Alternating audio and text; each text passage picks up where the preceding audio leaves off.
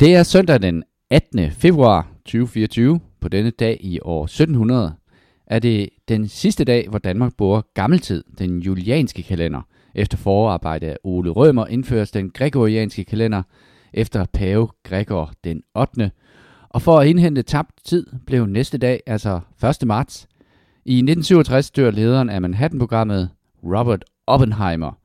På spilfronten er det 15 år siden i 2009, at Warhammer 40.000 Dawn of War 2 bliver udgivet.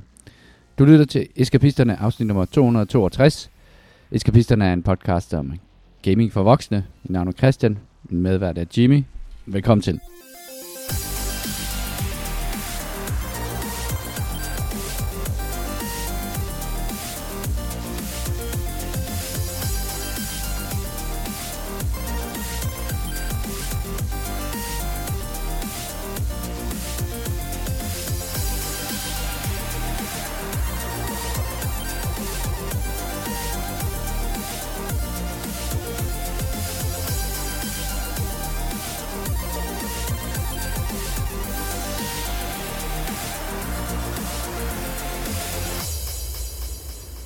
Tak skal du have.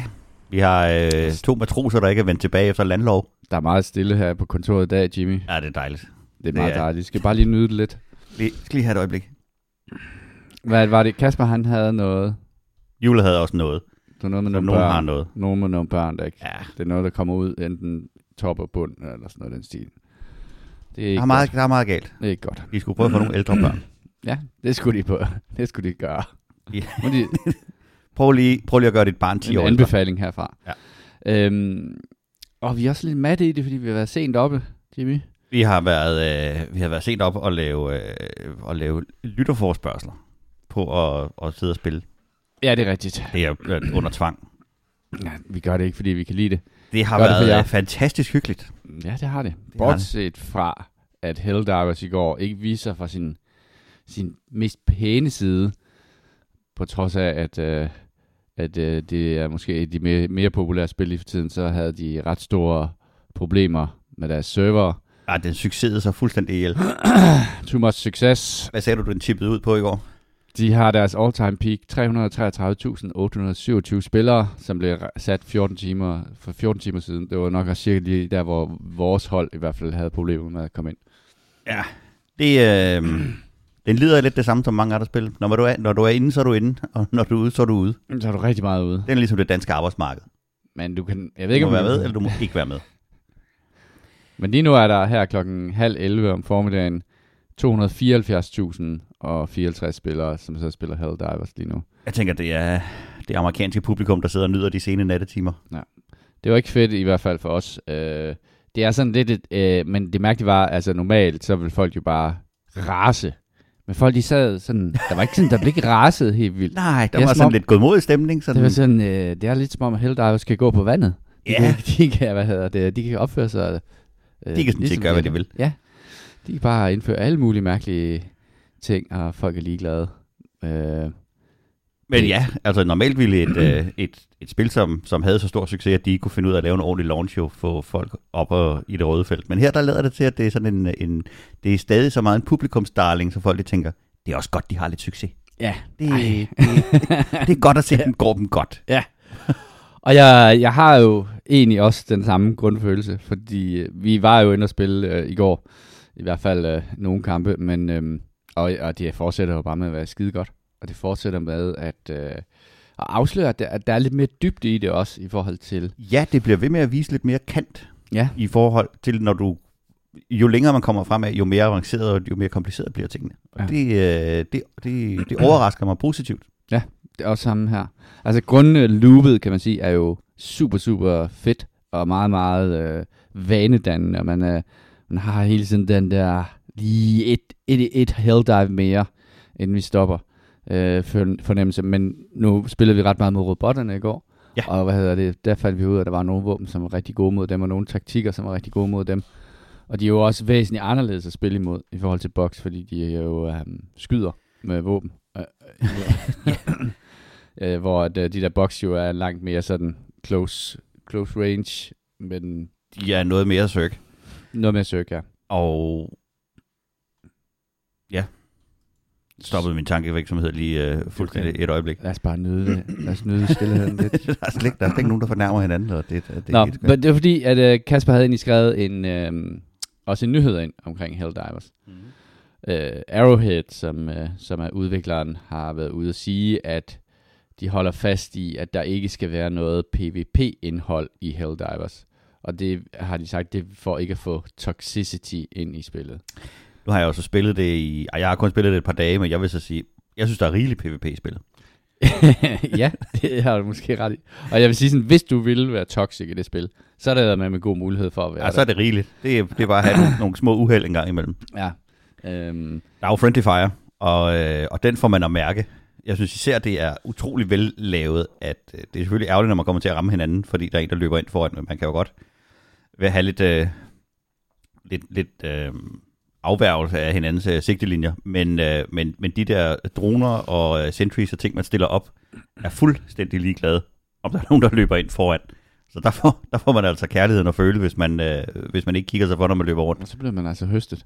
Øhm, jeg ved heller ikke, hvorfor at de skulle... Altså, det er meget sjovt, fordi det, det oprindelige, øh, hvad det hedder, Helldivers var der jo heller... Det var også et co-op-spil, der var aldrig Ja. nogensinde øh, PvP i det, men, men det er som om, at øh, den der trang til at putte PvP ind i alting, øh, eller sådan overveje, om noget skal være PvP, er, ligger bare sådan latent i, øh, i, øh, i genren lige for tiden. Ja. Og jeg synes, at det er dejligt, at... Altså, jeg, jeg synes bare, det, de kunne også bare have sagt, jamen det er ikke det spil, vi har lavet. Altså, det er sådan, skal, der behøver ikke at være PvP i alting. Deres spil er... Nej, så skulle man tænke, at man skulle til at sætte flere hold ind, altså skyde, skyde hold ind, der konkurrerede mod hinanden. Men, men det vi, ja, det ved jeg ikke, det kunne sikkert godt lade sig gøre. Men jeg synes, de, øh, de har lavet et, et, et fremragende spil, som den der, som, som har en overraskende god balance i forhold til, hvor meget at man kan forsøge at nå, og hvor meget man kan trække belønning med ud. Så det er den der, den, øh, altså det er jo en, en som, som alt muligt andet, når man kigger på det efter et stykke tid, så er det jo en grådighedssimulator, hvor man finder ud af, jamen, kan det betale sig for os at, at kæmpe sig videre, eller, eller skal vi stikke af nu med det, vi har? Ja, det, det er det der risk-reward-balance der, som man hele tiden Så den er jo på. i, i, sin, i sin allerdybeste en, en, en form for extraction shooter, men hvor der kun er, P- er PvE. Ja, det er rigtigt. nok. Og selvom at der er så meget pres på, og selvom at de øh, helt sikkert ikke sidder og laver de her øh, funktioner, som de havde, havde snakket om med, at der sidder, øh, der sidder rigtige game master og kigger på spillerne, om de lige skal have lidt hjælp, eller lige skal have lidt modstand, eller et eller andet. Det tror jeg ikke, de har tid til lige nu. Der er, der er kun folk, der tænder og slukker for server inde i, i Arrowhead.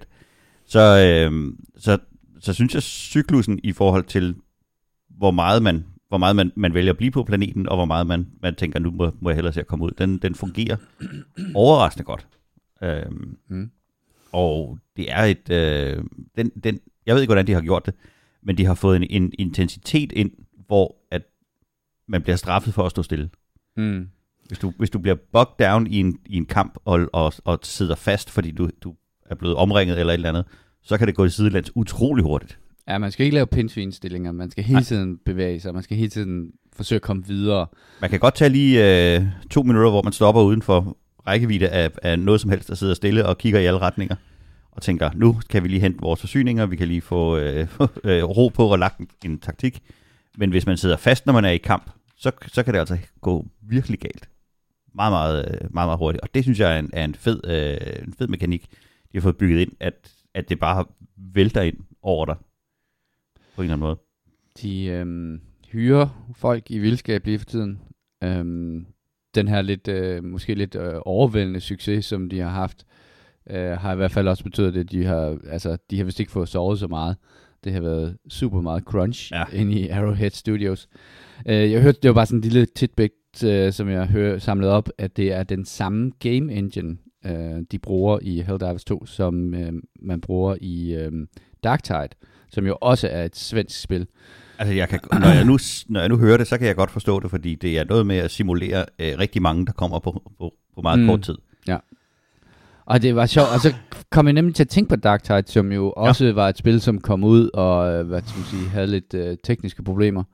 Men det, det gik jo helt sidelæns for, for Darktide, altså i forhold til succesen. Ja. Altså, og, og er, der, er, jo- der er jo egentlig sådan, der er egentlig en del fælles ting, altså i, i forhold til de to spil, altså det der firemands co-op, get in, get out, øh, hvad hedder det, hårder af, af fjender, Ja. som forsøger sådan at overcrowde dig. Øhm, det her har bare sådan, hvad skal man sige, den der humor-element i det, og det der med, at man ligesom kan slå hinanden ihjel på 87 forskellige måder. Ja. så, så der, er- der, men, men det er bare meget sjovt, at det har den samme engine, og fordi det kører nemlig pisse godt. Det kører vanvittigt godt på min computer. Det er et meget, meget flot spil, og øh, det er jo et af de der spil, som det nogle gange godt kan betale sig at sidde og kigge lidt på andre, der spiller. Sådan, så man får mulighed for at kigge på andet end den lille røde prik i midten af din, øh, af din skærm. Og når man kan se de der vistas omkring dig med øh, sump eller ørken, eller øh, hvad der, hvor man nu er henne, så, øh, så, så har de, de har lagt det ind, at selvom det er så hektisk, så får man en fornemmelse af, at man er et rigtig, rigtig flot sted. Jeg har ikke, øh, jeg har, jeg har utrolig få dårlige ting til at sige om, det- om det spil der. Mm, Det, det er et godt spil. Og øh, De skal bare lige have styr på De skal bare have åbnet nogle flere server. bare lige Ja, der tryk var- på nogle flere kontakter. Der var, det var svært at komme ind, ind, ind til festen i går. Og, øh, og, og, men det er jeg sådan set egentlig, det er jeg sådan set egentlig villig til at, at tilgive dem. Øh, jeg, har, jeg har svært ved at blive sur over, at der er så mange mennesker, der gerne vil spille det. Jeg vil så sige, det, det kommer ikke til at betyde noget rigtigt for mig, fordi at det er ikke et spil, som jeg kommer til at have lyst til at spille med random pickups. Øh, Jeg har spillet en lille smule med, med randos. Ja. Øhm, som regel bare lige, måske reinforces. Man har været to, så kaster sådan en SOS beacon for to andre spillere ind. Jeg vil sige sådan, øhm, som udgangspunkt, så synes jeg faktisk, at dem, der, dem jeg har spillet med, spiller faktisk godt. Ja. Altså, det er ikke sådan, at man har nogen, der løber alt for meget rundt med hovedet under armen. Øhm, og det kan jo bare være, være noget meget lille, hvad skal man sige, sample, sample øh, test af de der altså, jeg kan jo godt lide at spille 333.000 med, der. med folk, jeg kender, men det er også fordi, at Ja. øh, med min spillestil, så skal der være en, en vis mængde af tilgivelse. Der, ja, men altså prøv at, der er ikke noget, der er ikke noget, der slår at spille øh, sammen, og det kan man Nej. jo også mærke på vores øh, lille Discord-server, hvor vi jo to dage i træk havde øh, hvad det, to roterende hold, altså otte mand, der sad og spillede det, og jeg, jeg kan ikke, ja, det, det er ikke sket før, at vi har haft otte mand, der sidder inde på Discord og spiller det samme spil, øh, hvor vi så aftalte, at vi så mødtes, øh, hver gang der kunne gå en time, så samles vi ind i, den, i fællesrummet, og så delte vi, så blandede vi kortene igen, så alle kom til at spille med alle. Øh, det, Det var en fremragende idé, og det var, øh, det var drønskægt. Og det er også sjovt, det er sjovt, ikke? fordi man kan godt mærke, at der er nogen, der går utrolig meget op i det, og der er nogen, der tager det lidt mere roligt. Ja. Og det, det er skægt, når de folk, de kommer på, øh, på, på hold sammen. Det er ret fedt. Jakob han var for eksempel han var meget, meget ked af, at han ikke kunne komme ind og spille i går, fordi han var han, han kunne bare se, hvordan han kom bagud i hvad det hedder, level uh, racet. Ja. Øhm, lidt andre nyheder. Øhm, Sony har været ude og sige, at øh, de napper sig en gevaldig slapper i 2025. Øh, der kommer ikke nogen store eksklusive titler til PlayStation 5 i, det, i eksisterende franchise. Øhm, og det er jo så, altså hvis man siger den kaliber som God of War og Spider-Man og sådan nogle ting, der har de ikke noget på kalenderen, der udkommer her i 25. Og så kan man jo så sige, hvad er det? Altså, hvad det PlayStation udgav jo også Helldivers, øhm, som var et PC og et Playstation-spil, men, men øh, ja, ikke nogen af de der kæmpe store, hvad hedder det, blockbuster-spil.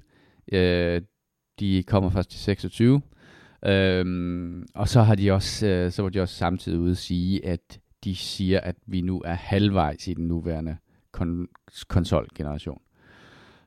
så om lige om lidt, så begynder man jo at, at tænke lidt på, hvad det næste... Om små fire år, så, så burde der lande en sekser, siger de. Ja. Ja. ja, er det sådan noget? Er det fire år, den været ude? ja, det er ikke 3 siden. Jo, det er vent. Kæft, tiden er Hvor at, øh, så skulle den have en livstid på et sted mellem 6, 7 og 6, 7, 8 år, ikke? Øhm, og så bliver den lige udsat lidt, og så bliver den lige, så bliver Ja. den lige skubbet lidt. Det skal nok... Øh, Men det har også sidste år, øh, sidste konsolgeneration var den længste konsolgeneration Ja. nogensinde, ikke? Øhm, så var der, det spiller lidt ind i det, men der var, hvad hedder det, Microsoft var jo ude i, i den her uge med sådan en investors, øh, hvad hedder det, øh, talk, som før at øh, Phil Spencer satte sig ned i stolen og lavede den her podcast om, hvor øh, forretningen skulle hen, der var der en masse rygter, øh, som var helt groteske. Altså mange af rygterne var helt vanvittige. Øhm, fra at øh, Xbox ville gå ud og sige, at de nedlagde, hvad det hedder, øh, Game Pass, øh, Ja. og hvad det hedder, Det har jo ikke trak sig helt ud af konsolmarkedet, og hvad hedder det, jeg ved ikke, hvad de så skulle lave, om de skulle lave strikkeudstyr i stedet for, eller sådan noget, men, men der var nogle ret vilde rygter, men mange af rygterne var også baseret på en ting, som viste sig at være sandt. Det var, at der havde været en del rygter om, at øh, Microsoft og Xbox meget gerne ville se deres spil på andre konsoller. Øhm, det viste sig at være sandt. I hvert fald sagde Phil Spencer, at der var der ville komme fire spil, øh, som øh, ikke var, hvad hedder det, hvad fanden var det, han sagde? Det var ikke hvad det, det, ny, det kommende Indiana Jones spil, og det var heller ikke Starfield. Men fire spil, som han ikke vil sætte navn på, vil komme på PlayStation og andre konsoller. Og det, øh, det er sådan rimelig øh, hvad det, accepteret, at man ved, hvad de fire spil er, men han vil bare ikke sige det. Mm. Øh, rygterne er meget kraftige på, at de fire spil var hvad der, Grounded, uh, Sea of Thieves, og det spil, der hedder Pentinent, og så et, uh, et, et uh, spil, som hedder Hi-Fi Rush, som ja. jeg tror Kasper er ret glad for. Uh, det er der sådan en generel enighed om. Um, og alle snakkede jo så bagefter om, at de her spil her ville komme på Sonys uh, platform, altså på Playstation, og det kan også godt være, at de gør det, det gør de sikkert. Uh, Sony har jo også, er jo også begyndt med at hvad putte deres spil ud på PC. Uh, der blev ikke nævnt øh, noget om Nintendo øh, og Switch, øh, men øh, rygtebørsen hælder mod, at der er, at der faktisk at de fire, at de fire spil der, de vil også komme på Nintendo Switch. Øh, og det er, det giver ret god mening sådan ud fra sådan økonomisk perspektiv, fordi at der er noget i retning af 15 millioner Switch-ejere, hvor at man kan sige, Microsoft og deres Game Pass, øh, hvad hedder det, spil, ikke når ud lige i øjeblikket. Mm. Og det hele, den der, hvad skal man sige, det er sådan ligesom, der var, der var de der år, kan du huske, hvor der var konsolideringsår, hvor alle købte alle, øh, og det gik så helt galt. Det, som virker lidt til, at der er i gang med at ske nu, det er, at folk skal finde ud af, hvordan, får vi, hvordan tjener vi flere penge der har, øh, på vores spil. Sony har også været ude at sige, deres CEO har også været ude at sige, at de, at de simpelthen ikke tjener nok på deres penge, eller på deres spil, øh, så de bliver nødt til at, at slippe de der fine fornemmelser med at have konsol-eksklusivitet i hvert fald. Øh, og så, og, men det er jo det der med Xbox-stammen, og folk som ligesom mm. føler, at... Øh, at deres konsoloplevelse bliver dårligere ved, at... Øh, ja, at, andre folk må få lov at spille, øh, at spille med. Det, det er ligesom når, hvad hedder det, Christian Julesen, han får det dårligt over, at andre folk sætter, kan sætte spil ned på easy, fordi han spiller på hard. Øh, det ødelægger hans spiloplevelse. Ødelægger hans spil? Ja, det gør det. Øh, der, der er jo sådan noget loyalitet, og det er jo også noget, de selv har dyrket rigtig meget. Øh, der har været, der var en periode, hvor at, øh, at The Console Wars ligesom handlede om, at man forsøgte at få en konsol til at dominere markedet, og være den, som, altså VHS Betamax øh, krigen, og det var, det var lidt det, man fik lyst til at, at, at sammenligne det med. Og at, øh, at, at man mærkede meget tydeligt, at igennem nogle, nogle exclusivities og nogle forskellige, forskellige trade bands og forskellige måder at obstruere hinanden på, forsøgte at lave, at der fandtes kun en Playstation, der fandtes kun en Xbox, og, og det er ligesom, en af dem skulle komme ud og have vundet i den, mm. her, øh, mm. i den her krig. Og det tror jeg efterhånden, de fleste har indset, at det er ikke den vej, det kommer til at gå. Der kommer altid til at være øh, nogle konkurrenter, der kommer altid til at være nogen, der, øh, der, der og, og, og selv hvis de, hvis de river en kæmpe markedsdel hjem, så er der bare nogen, der vil lave en opstart, og så, så vil de på en eller anden måde disrupte det der, det der marked. Og, øh, og jeg tror måske også, de har, de har indset, at, at øh, gamerne er et potent marked, mm. og der er ikke nogen, der, øh, der er ikke nogen, der holder sig til en. Altså jeg tror, jeg tror hvis der er nogen, der, der, der tænker, at der kommer noget fantastisk på, jamen så køber folk den konsol og spiller det der. Øh, Nintendo har jo vist øh, det her med, at, at, at exclusivities i, øh, i titles gør, at de kan, at de kan pushe deres, øh, deres konsoller helt utroligt i forhold til, øh, til Zelda-spillene. Men, men jeg tror også, at de efterhånden er ved at indse, at det er ikke konsol salget, man tjener sine penge på, for det er jo typisk en underskudsforretning. Det er spillene, og det er der, hvor folk de ligesom skal pumpe deres penge ind. Og, øh, og, og Xbox har så forsøgt sig rigtig meget med den her, hvor de siger, vi vil have penge på, øh, vi vil have penge på abonnementet, sådan så at vi kan vise, jamen, der er en fast indtjening, der kører et eller andet. Vi er ikke så afhængige af, om en launch går godt eller ej. Vi er ikke presset på, om der kommer, om, om det her spilstudie, det leverer til det tidspunkt, det skal eller ej. Vi har fast indkomst. Ja. Og det er jo sådan noget, shareholders godt kan lide, og man kan jo være lige så, øh, op, så, så, så, så glad eller ked af det omkring øh, spilmarkedet, men det handler om penge. Ja. Der er ikke, øh, altså det hedder et marked for, for, for, af den grund. Ikke? Og lige præcis det der med, at man ikke tjener særlig meget på, på selve hardwaren, har jo også ført til en del rygter. Var, der var også en del rygter her i forhold til, om Microsoft vil trække sig helt ud af hardware-delen, og så bare sige... Utroligt usandsynligt, vil jeg sige. Ja, men hvis man sådan fremskriver, at øh, det, de tjener deres penge på, det er jo, hvad hedder det, Game Pass, og hvad der, den service, som hedder den app. Så hvis man nu kunne streame det, og det er der jo efterhånden, kan folk streame spil fra en eller anden serverpark et eller andet sted, ikke? så kan man bare streame til sin telefon eller sin iPad eller hvad det nu er. Så behøver man jo ikke at have noget hardware stående. Det blev, også, den, det blev så også lagt ned af Phil Spencer, som jo sagde, at der kommer nyt omkring den nye Xbox-konsol, og det kommer om, til omkring jul øh, i år. Der vil i hvert fald sige et eller andet, men det han vil sige nu, det var, at det teknologiske, eller hvad man skal sige, ja, det teknologiske spring fra den her, hvad hedder det, nuværende generation til den næste, vil, vil aldrig nogensinde have, øh, være større. Og det, det, det er ret vildt at sige det på det her tidspunkt, sådan fire år før man ved, hvad teknologien er, synes ja. jeg. Øhm, men det er selvfølgelig også noget, shareholder godt kan lide at høre, fordi at denne her generation... Ja, det er glemt om fire år. Ja, ja, det er det. Men den her generation af, hvad det, konsoller var jo et voldsomt spring. Altså, det var jo... Ja, altså, er så jeg tror, det var... Jeg kan ikke huske, hvor mange teraflops man gik fra 4 til 12 eller sådan noget, ikke? Ja. Så det var en firedobling. Så hvis den næste skal være mere end en firedobling af, hvad den nuværende Xbox kan, så, så er det jo æder med med noget af en supercomputer, de har, de har de er i gang med at bage op til. Ja, men jeg har også en fornemmelse af, at ligegyldigt hvad de, øh, hvad de, hvad de kommer til at nævne, så bliver der noget, der kommer de til at bage, bage AI ind i det på en eller anden måde, og sige, at så nu er det et kæmpe teknologisk spring, for nu kan den øh, ikke forudsige, hvad tid du har lyst til at spille hvad, eller sådan noget. Ja.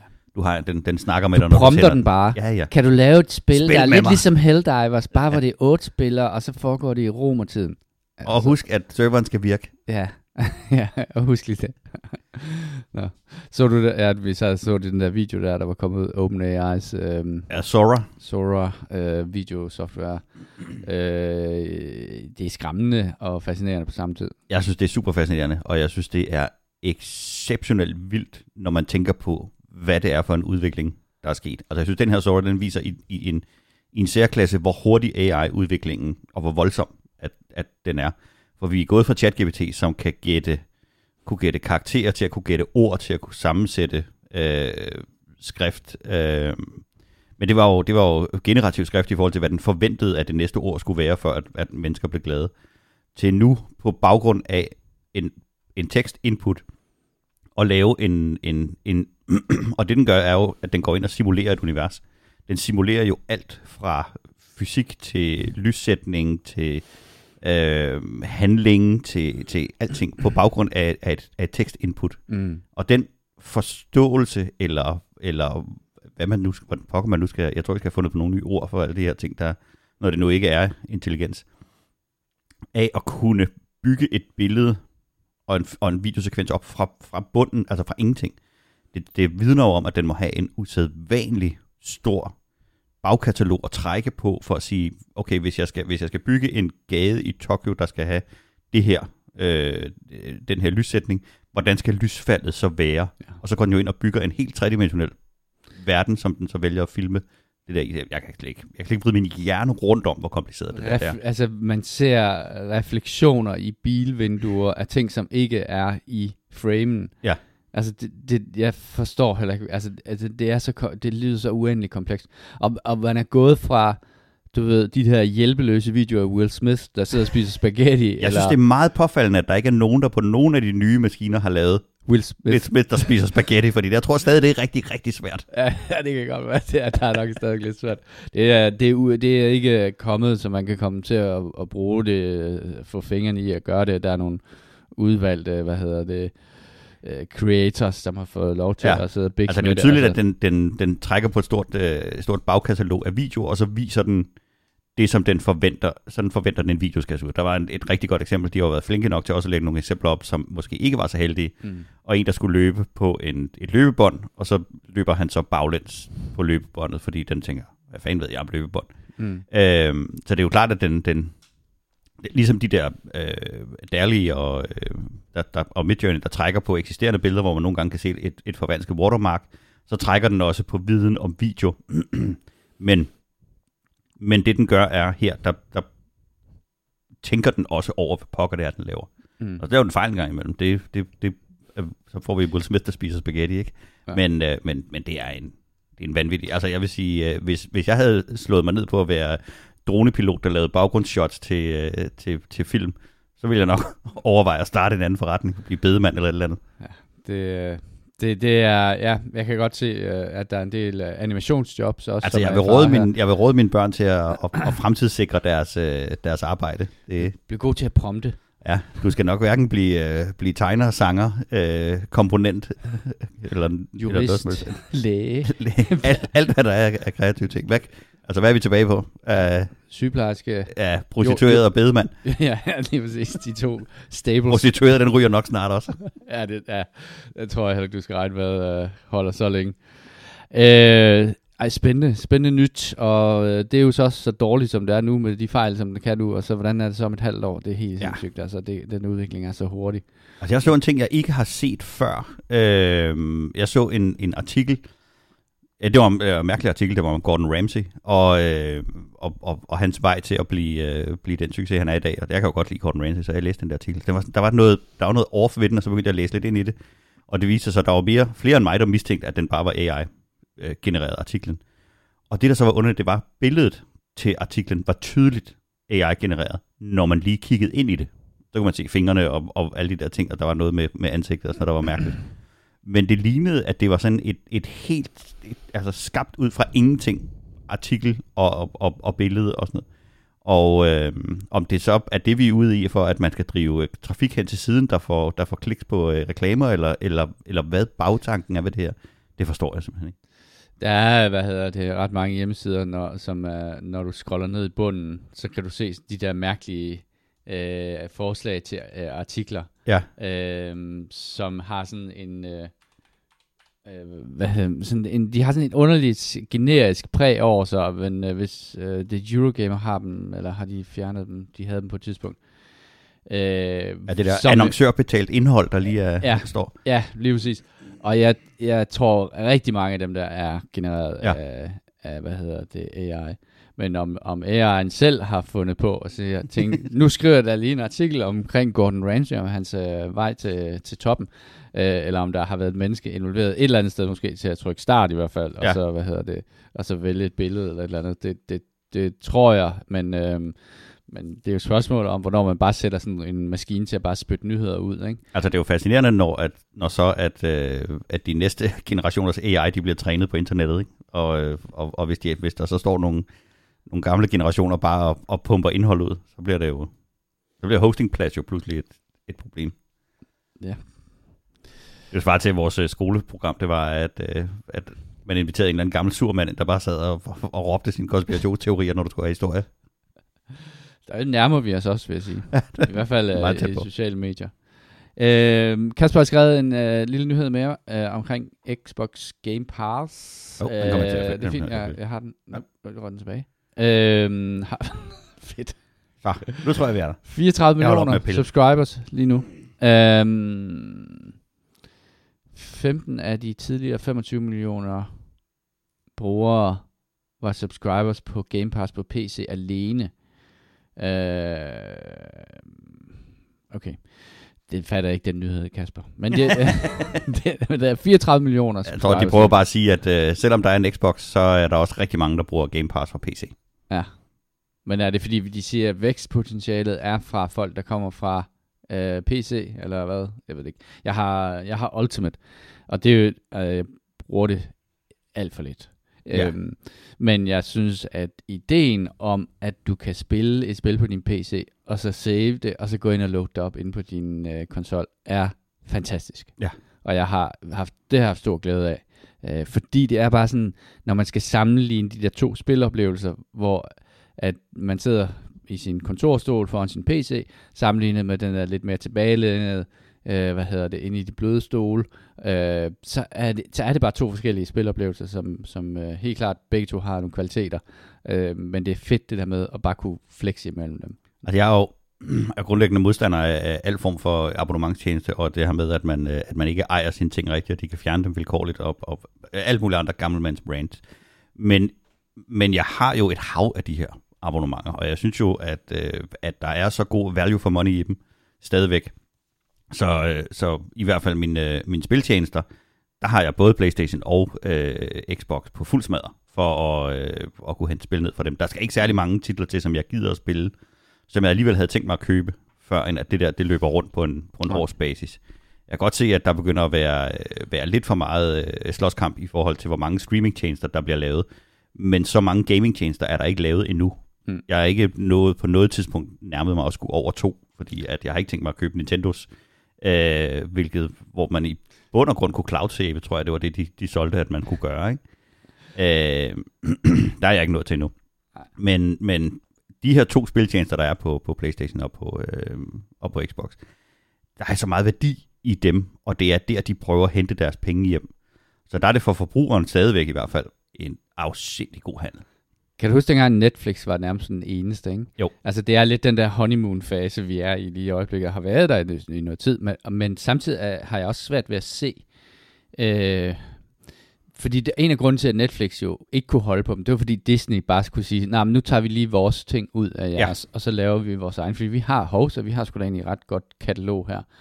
Og man kan sige, der har jo været, hvad hedder det, Ubisoft har jo lavet deres lille tjeneste også, hvor man øh, også de der EA Access øh, ting der, hvor de forsøgte at lave noget lignende, men de blev jo spist ja. af, hvad hedder det, af Xbox Game Pass, ikke? som nu har, øh, hvad hedder det, øh, det der Uplay er en del af øh, game, eller Xbox, hvad hedder det? Altså vi skal også en del med det i forhold til, at alle spil vil gerne have deres egen launcher. Du kan jo, du kan jo nærmest ikke starte Nej. noget op, uden at du skal installere en eller anden åndssvag launcher, sådan, så de kan pushe deres andre spil mm. i ansigtet på dig.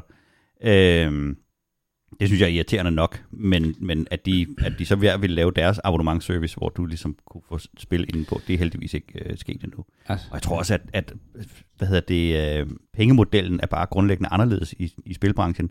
Der sælger man, øh, der sælger man season passes og, øh, og, og, og spilabonnementer. Øh, og der er de jo ikke øh, blege for, at et spilabonnement koster det samme som Netflix hver måned, eller et, et, øh, et, et season pass koster det samme som Game Pass, eller... Øh, så, så her der skal man kigge rigtig, rigtig meget på, hvad det er, man har lyst til at spille, og hvad det er for noget content, man køber mm. i, øh, i de her spil. Jeg tror, det ville være svært at lave en, en streamingtjeneste, hvor du skulle betale 100 kroner for at, at, at se Netflix, og så skulle du lige betale 100 kroner, hvis du ville se den her serie. Ikke? Mm. Øhm, så, Spin-off-serien. Ja, altså, øh, så, så, så spil har en helt anden mulighed for at lave køb ind i købene. Ja, ja det er rigtigt. Og jeg tror også, at det der med, at man, har, man gerne vil have sin egen launcher, handler jo også om, at man på en eller anden måde gerne vil undgå, øh, jeg, ved, jeg ved faktisk ikke, om man kan undgå det. Hvis, hvis du er på Steam, og du skal betale en vis procentdel af dit, øh, hvad det hedder, ja. dit profit tilbage til, øh, til Steam og Valve, øh, hvis du har en launcher inde i Steam, jo, jo, kan du så lave salg, de salg, du så laver der, køb en grøn hat, eller hvad det nu er til dine kriger, er det så er det så noget, du, er det, går det så igennem, eller skal du stadigvæk, er det, tæller det som revenue, som, uh, som du skal betale 30% af til Steam? Jeg ved det ikke. Jeg, jeg, kunne, jeg kunne forestille mig, at der er et eller andet teknisk. Det er i hvert fald ikke for brugernes skyld, de gør det. Nej, det, det er helt sikkert ikke. Okay. Ikke, jeg vil sige, med den mængde af launchers, der findes, så handler det ikke om min oplevelse. Det er stensikkert. Nej. Øh, snakke om, øh, hvad vi har spillet, eller hvad vi har spillet det på, Jimmy. Ja. Du har dobbeltdippet i, øh, jeg har ny teknologi. i et ny teknologi, og øh, kastet mig over MetaQuest 3. jeg har det generelt haft det svært med, med VR, men det er jo på grund af min, øh, min dårlige rumforståelse. Øh, men nu fik jeg øh, muligheden, så jeg har købt en, øh, en MetaQuest 3. Jeg, jeg vil sige, det er faktisk øh, en lille smule Apple, der har launchet øh, det her, fordi der kom øh, et et eksorbitant mængde af artikler omkring VR og øh, MR og AR og alle de her ting. Øh, I forhold til deres øh, nye øh, Vision Pro, der kom ud fra, fra Apple. Og det, som der var en, en masse artikler var omkring, var jo, at den skulle ligesom måles op imod Oculus Quest fra Facebook. Meta. Øh, og så er træeren mere eller mindre splinter ny i forhold til den der, og så lå det jo meget, meget nær, at man laver en masse sammenligninger øh, af de to. Og i det, der så jeg, sad jeg altså og læste en masse artikler om, øh, om Quest 3. Øhm, og så var jeg en tur i Berlin og prøvede at, at have den på ansigtet. Og der er altså også taget nogle teknologiske fremskridt i det her. Øh, det jeg godt kan lide ved, eller godt kunne lide at, at prøve den her, så var det, at det er en selvstændig øh, computer, du tager på hovedet. Og, øh, og den har så nogle muligheder for at integrere med andre øh, teknologier, hvor du kan streame fra din computer til din, din Quest, men helt grundlæggende, så har den sin egen game store, den har sit eget interface, og, og når du tager den på, så sidder den på hovedet. Øh, den skal ikke forbindes til noget, og du skal bare tænde for den og, og gå i gang. Øhm, en ting, jeg lige vil spørge, ja. jeg lå mærke til, ja, der var ikke noget headset på den, eller hvad? Er det Nej, for den, der... øh, den streamer lyd ud i ørerne. Der sidder sådan nogle øh, directional, øh, uh. hvad hedder de, øh, ja. små mikrofoner, der, eller øh, højtaler, der, der skyder lyd ind i ørerne på dig. Og det fungerer, også, øh, det fungerer også godt. Jeg er lidt usikker på, hvor meget man kan høre, når man er ved siden af, men jeg tror ikke, det er særlig meget. Øhm, Nej, ikke særlig meget. Og jeg har ikke, øh, jeg har ikke fået spillet afsindigt meget på den, men, øh, men jeg har fået prøvet. Der, man kan, der er en masse titles, man kan, man kan teste i den. Og, øh, og det, som der overrasker mig allermest ved den, så er det, hvor meget at VR-teknologien er måske ikke sprunget særlig langt i forhold til det Valve-headset, du har hængende på, øh, mm. på væggen. Det, det, det er næsten begrænset, hvor meget opløsning man kan skyde ind i øjnene på folk fra den afstand. Ja. Altså, hvor crystal clear kan du lave det? Der tror jeg nærmest, vi, vi ligger op, op der skal nok nogen, der kommer overraske mig på et eller andet tidspunkt. Men det lader ikke til, at man i løbet af de sidste mange år i hvert fald har kunne skrue voldsomt op for den opløsning, du er i stand til at presse ind i øjnene på folk, når du nu sætter skærmen en centimeter fra, fra, fra øjet af dem. Der er helt klart kommet nogle flere pixels, men der, men der sker bare et eller andet, når din skærm sidder helt oppe i, i fjeset på dig. Men det, som der er sket meget på, så er det teknologien i forhold til, hvordan den tracker dig, hvordan den mærker rummet omkring dig, hvordan den kan se og, og registrere dine hænder. Det vil sige, du, ja, du, det var ret, vildt, ja. ret hurtigt at lave, øh, og, og, og, og, og, og lave crude øh, billedtegnsprog, øh, da du prøvede den i går.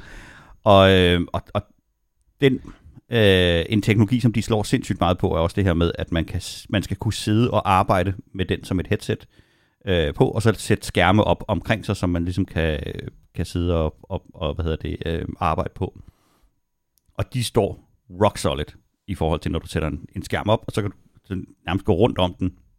Men den bliver altså stedende, der hvor den sidder. Den flimrer ikke, den flytter sig ikke. Den, den er bare mm. i, dit, i dit virtuelle rum, der hvor den skal være.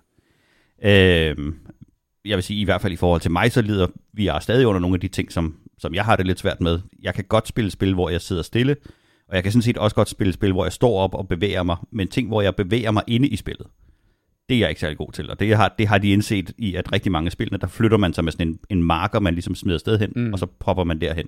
Og så får man et, et meget kortvejt øh, fornemmelse af ubehag. Men det, jeg skulle lige teste Steam øh, i går, og så satte jeg Subnautica på, og jeg havde ikke været tre sekunder i vandet, før jeg var øh, klar til at kaste op. Så, så at jeg har stadig den der bevæg... Når, når hele kroppen får at vide, at nu bevæger den sig inklusiv mm. øh, omnidirektionelle lyd og, og, og et billede, der er så realistisk, så du næsten øh, ikke kan undgå at tro på det, så tænker kroppen, der er noget helt galt, for jeg kan ikke mærke, at jeg bevæger mig. Jeg er nok blevet forgiftet og skal kaste op. ja, ja, ja. Øhm, så, så det er noget, hvor jeg skal, jeg, skal, jeg skal lige arbejde lidt med det. Jeg var imponeret af øhm, den der finger tracking, ja, altså hånd tracking. Altså du, den var en til en i forhold til, når man kigger ned på sine hænder hvor at øh, mit, øh, hvad det hedder, hvad fanden det hedder, index headset er jo baseret på de her towers, som ja. skal sidde hver hjørne rummet og kigger på, og det vil sige, at den, der, der fingrene tracker sjældent øh, nøjagtigt. Altså, ja, de tracker jo i forhold til controlleren. Svært, ja, nemlig. Controlleren, der tracker dem. Ja. Ja, det er rigtigt. Der sidder et eller andet tracking der. ja. Og det virker bare ikke super godt. Uh, det gør det her. Ja, man får uh, nogle flimmerfingre. Ja. Ja, hvordan er det med, øh, hvordan, det der med, at du streamer, er det trådløst? Er det sidder noget ja. i computeren? Nej, det er wireless. Jeg starter bare et interface op på, øh, jeg har et, øh, et desktop interface, der gør, at jeg bare kan, kan streame computeren, øh, ja. åbne computeren Er det op. noget, der følger med? Er det noget, Nej, det skal man købe Steam? til. Nå, det skal man øh, købe til, okay.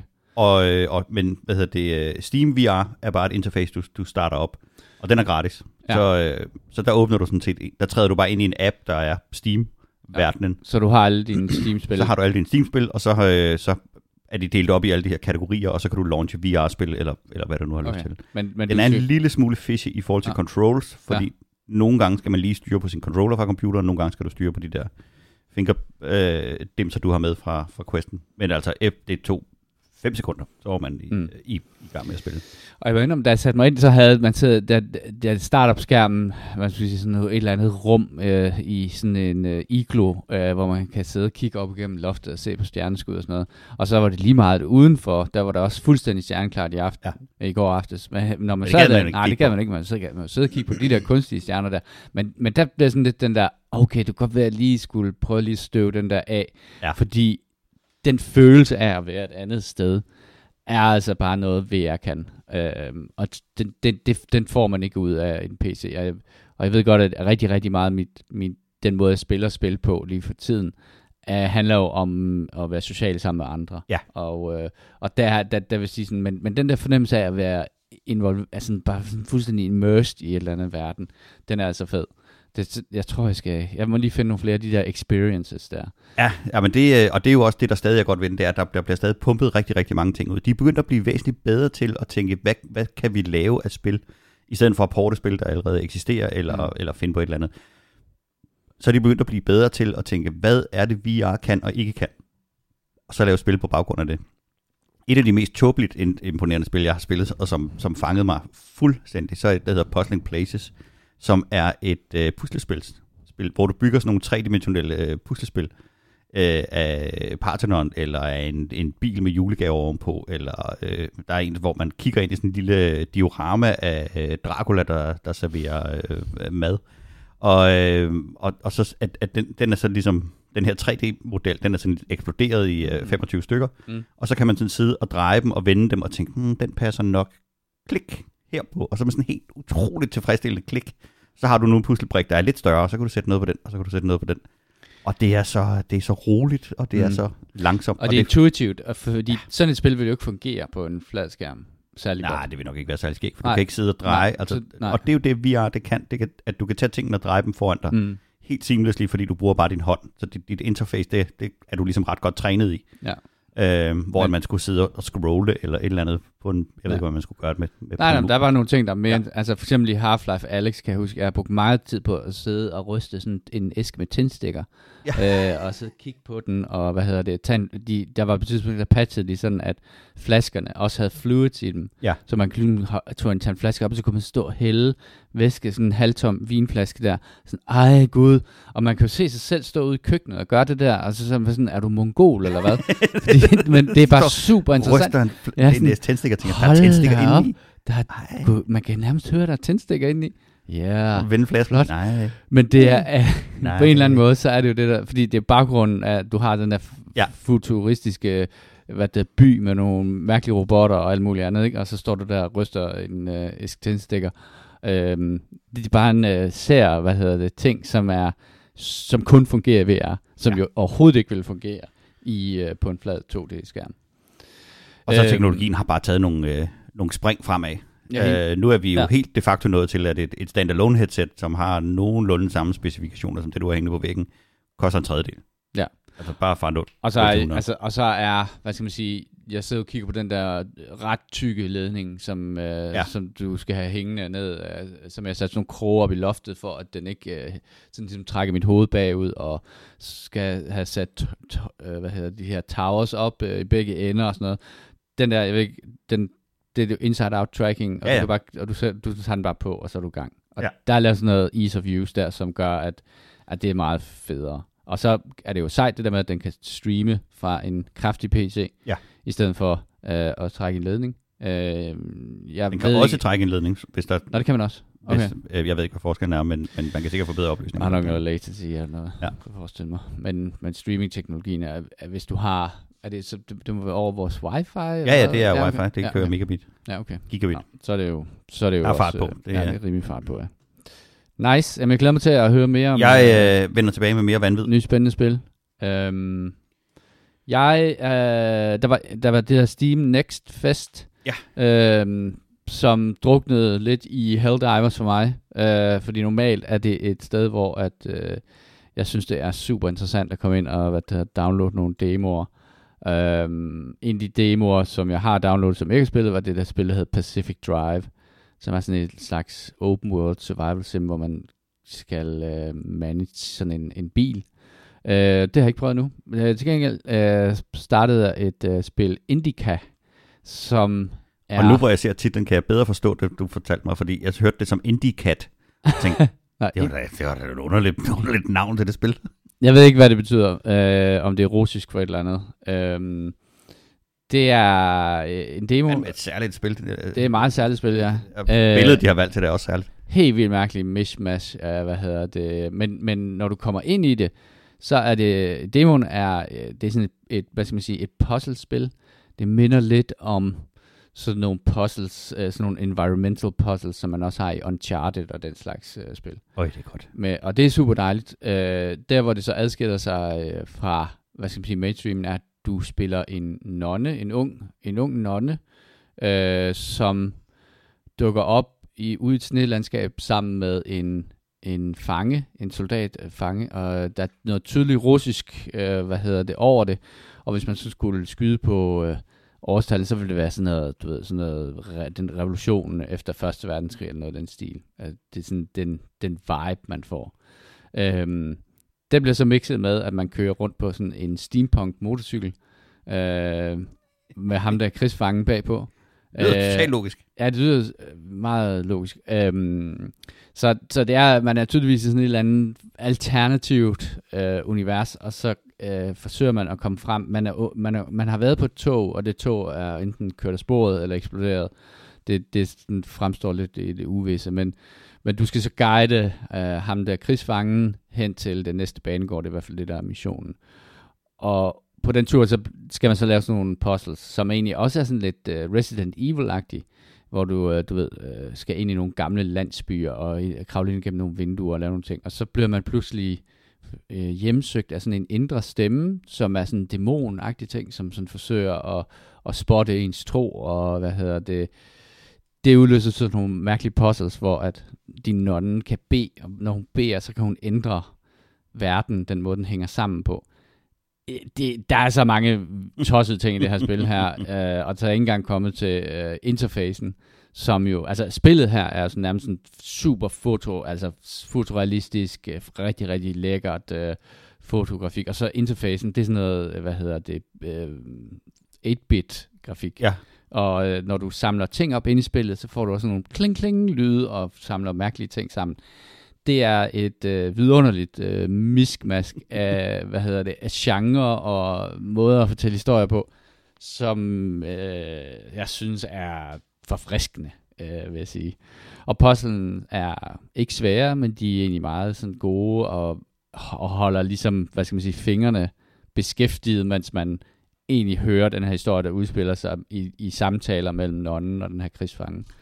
Jeg vil sige, lige da du fortalte om det, så tænkte jeg, det lyder, det lyder som et glad vanvid, men da jeg så spillet, så tænkte jeg, det har, det har jeg simpelthen lyst til at prøve, fordi det lyder som, det lyder som så vild en oplevelse, at, og jeg ved ikke, hvor stort det er, det lyder ikke som om det er særligt stort, øh, hvad hedder det, studie, der har lavet det, mm. men grafikken i det er jo afsigtigt flot. Mega pænt. Øh, altså. Og det, det siger jo lidt om den der liberalisering af, at, at alle folk kan lave god grafik ja. nu, med de engines, der finder, ikke? Hvis man finder, jeg vil næsten gå ud fra, at det er lavet på en Unreal 5.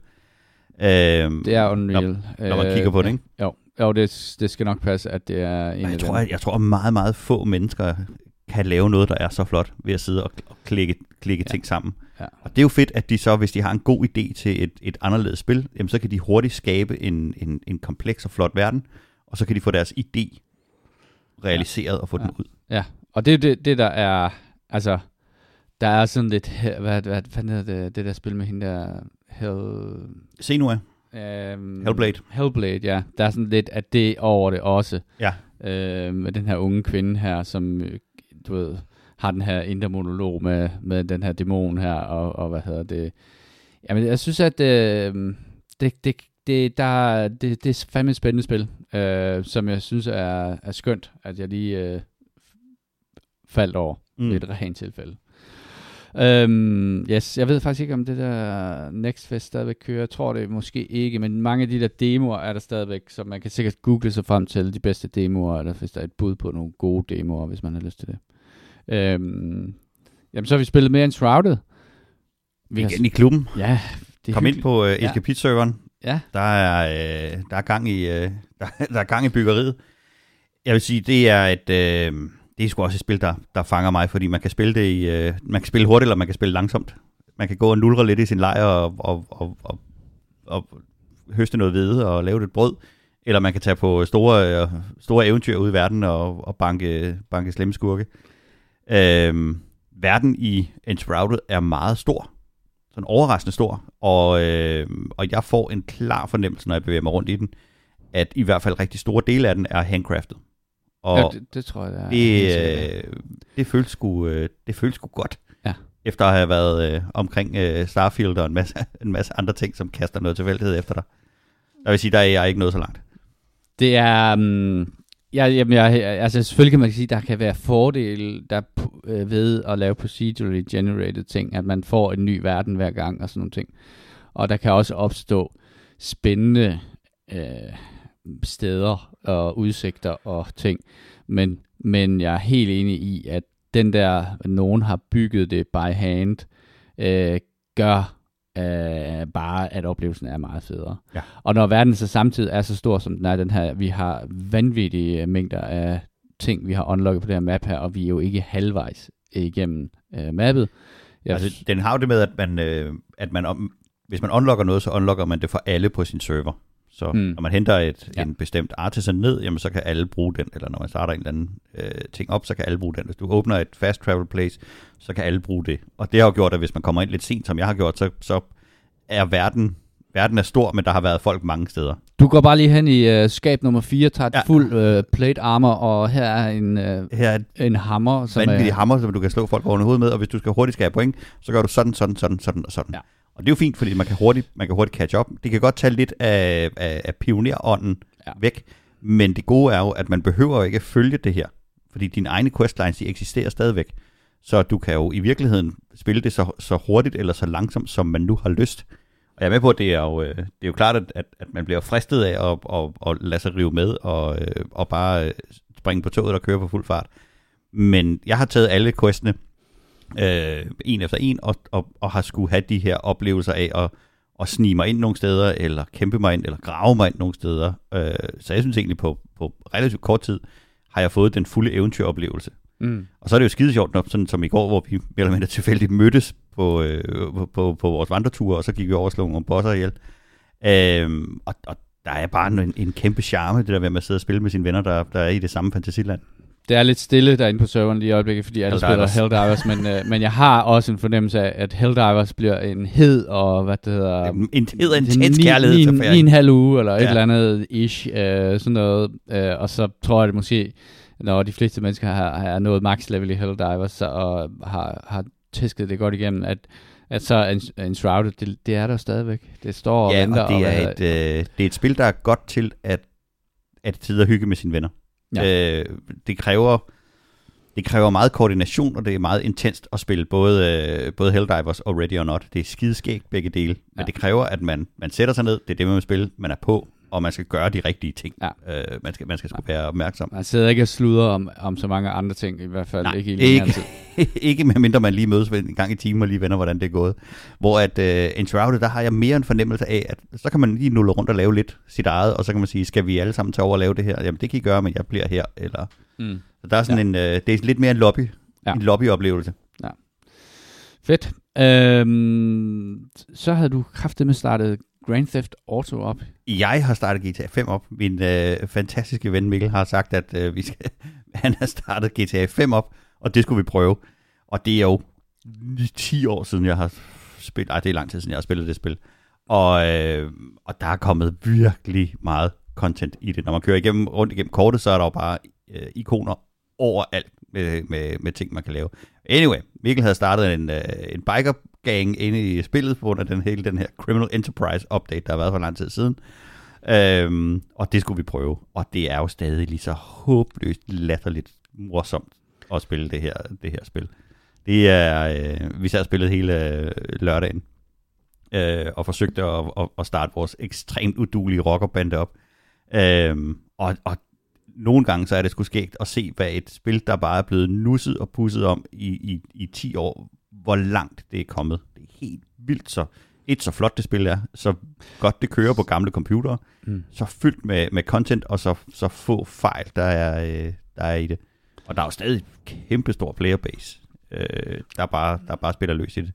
Du kan spille politimand, du kan spille postbud, du kan spille brandmand, du kan, du, du kan lave, hvad du vil i den her øh, store og, og komplicerede verden.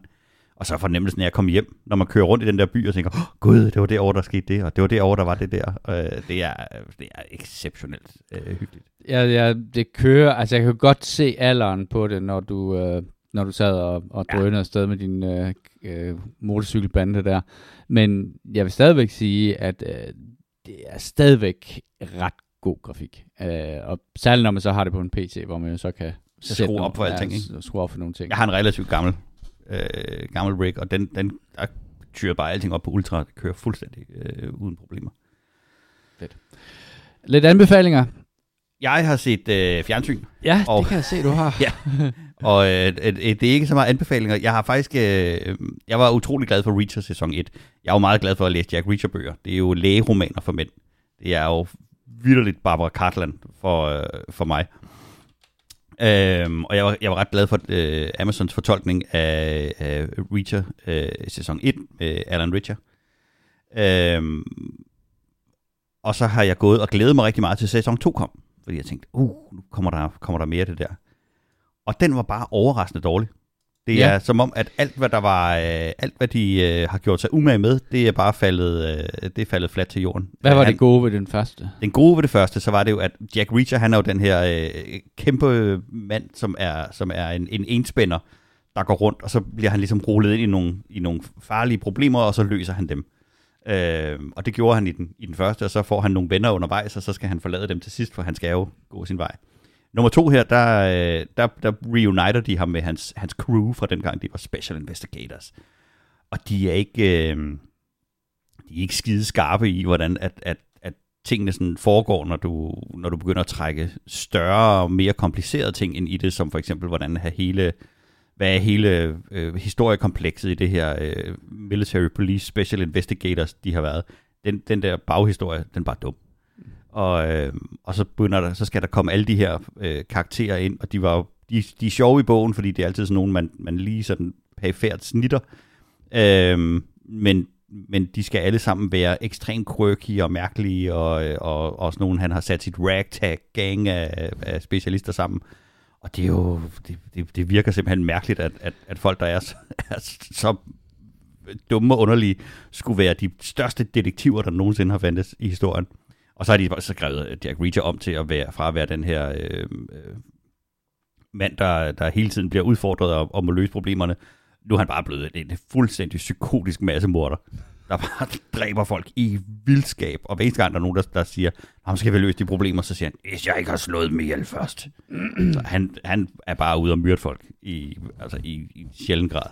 Men han er stadig stor. Han er, han er absurd stor. Hvis man, øh, hvis man har nogen form for bodybuilding face, så, øh, så, så, så er den mand, han er, han er ved at blive. Han, øh, han er også en af de første, der også er ude at sige, at han øh, helt åbent siger, at han, øh, han bruger testosteron til at holde den der størrelse, øh, før, det kan, før det kan lade sig gøre. Fedt. Godt forbillede. er super duper forbillede, øh, men han, det ser helt, det ser helt lærligt ud. Ja, så den, øh, den var faktisk ikke... Øh, og så, øh, så, var, så var jeg blevet færdig med at se den, og så poppede øh, Amazon jo op med, med det næste, og det var så øh, Jack Ryan. Jack Ryan. og jeg tænkte, åh ja, så prøver vi det. Så så jeg lidt den, og den, øh, den var bedre, fordi det jo, den lægger sig lidt mere op af Tom Clancy-tingen, øh, så historien hænger bedre sammen.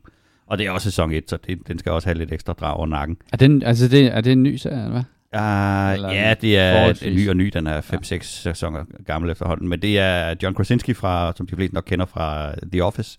Amerikanske version. Han er meget, meget svær at se i en, i en seriøs rolle, men det må man jo lige, ar- det må, kan man jo arbejde lidt med, og, og der er noget suspension of disbelief efter et stykke tid. Men det dur bare ikke, når han, sådan, når han laver sit, uh, sin, sin quirky sideblikke, så, så er man meget, meget tæt på at, og forventer, at Michael Scott kommer væltende ind øh, fra siden af. Men grunden til, at jeg tog den med her, så er det fordi, Historien er, er, er, er, historien er skrevet i den er, er okay. Den er lidt kompliceret af international terrorisme, som, John, som Tom Clancy jo er utrolig glad for.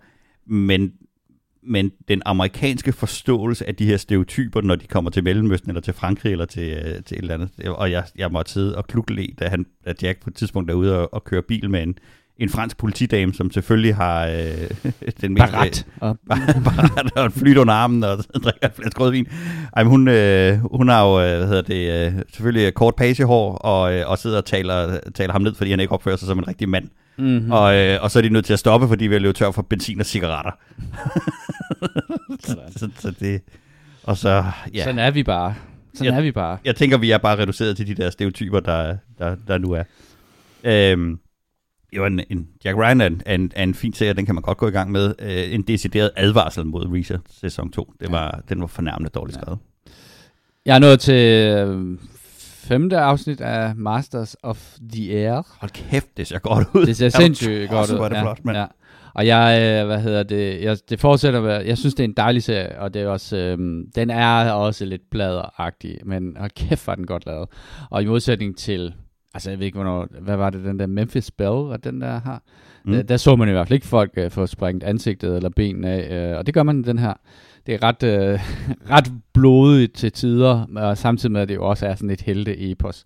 Men man mærker historiens vingesus øh, i den, øh, og det synes jeg, de gør ret godt, lidt ligesom man også kunne mærke det i Band of Brothers-filmene. Øh, jeg sidder der og kigger, der må fandme da være et uh, øh, VR-spil, hvor man er i, hvad hedder det? Ja, vi sad panisk og lidt efter, der må, der må der være et eller andet, hvor man er uh, besætning på en... Uh, der er noget på vej, uh, micro, Micropose, Ja. Øh, hvis du kan huske oh, dem. det er god gammel. Det er ja, et navn, jeg kan høre De længe. har et øh, VR-spil, der hedder The Mighty Eight, øh, som er et, øh, der står bare planned release date to be announced, og så er der sådan en lille sekvens, hvor man kan se øh, ens øh, virtuelle hænder betjene sådan en øh, Browning 12 mm, øh, hvad hedder det, dorsal gun, eller hvad fanden det hedder. Øh, jeg, det, det er sådan, der er, jeg, det, det må simpelthen være oplagt til at lave sådan en multiplayer VR-spil. Øh. Ja, men det må også være, det, det er jo det mest oplagte sted at lave et, et VR-spil, fordi du bare per definition er stationær. Ja, lige præcis. Du skal ikke bevæge dig så meget, når du, med mindre når du skal springe ud af ja. bombelømmen der for, fordi der er ild i flyveren. Nå, det, øh, jeg synes, den er fed, øh, og jeg er ligeglad med, hvad alle mulige fejnsmækker-kritikere siger om den serie. Den er fucking fed. Øh, den er god. Øh, var det det, Jimmy? Ja. Yeah. Ja, Øh, skriv til os, eller endnu bedre, kom ind på vores, øh, hvad hedder det, Discord. Øh, den hedder eskapisterne.dk. Øh, vi er efterhånden øh, en, en pæn, ja, sund pæn flok af gamle mænd, som mødes, og hvad hedder det, og spiller nogle spil sammen. Og du behøver ikke at være mand øh, for at joine. Gamle damer er også velkomne. De er også velkomne. Øhm, ja, på vegne af Jimmy og mig selv, tak fordi I lyttede med.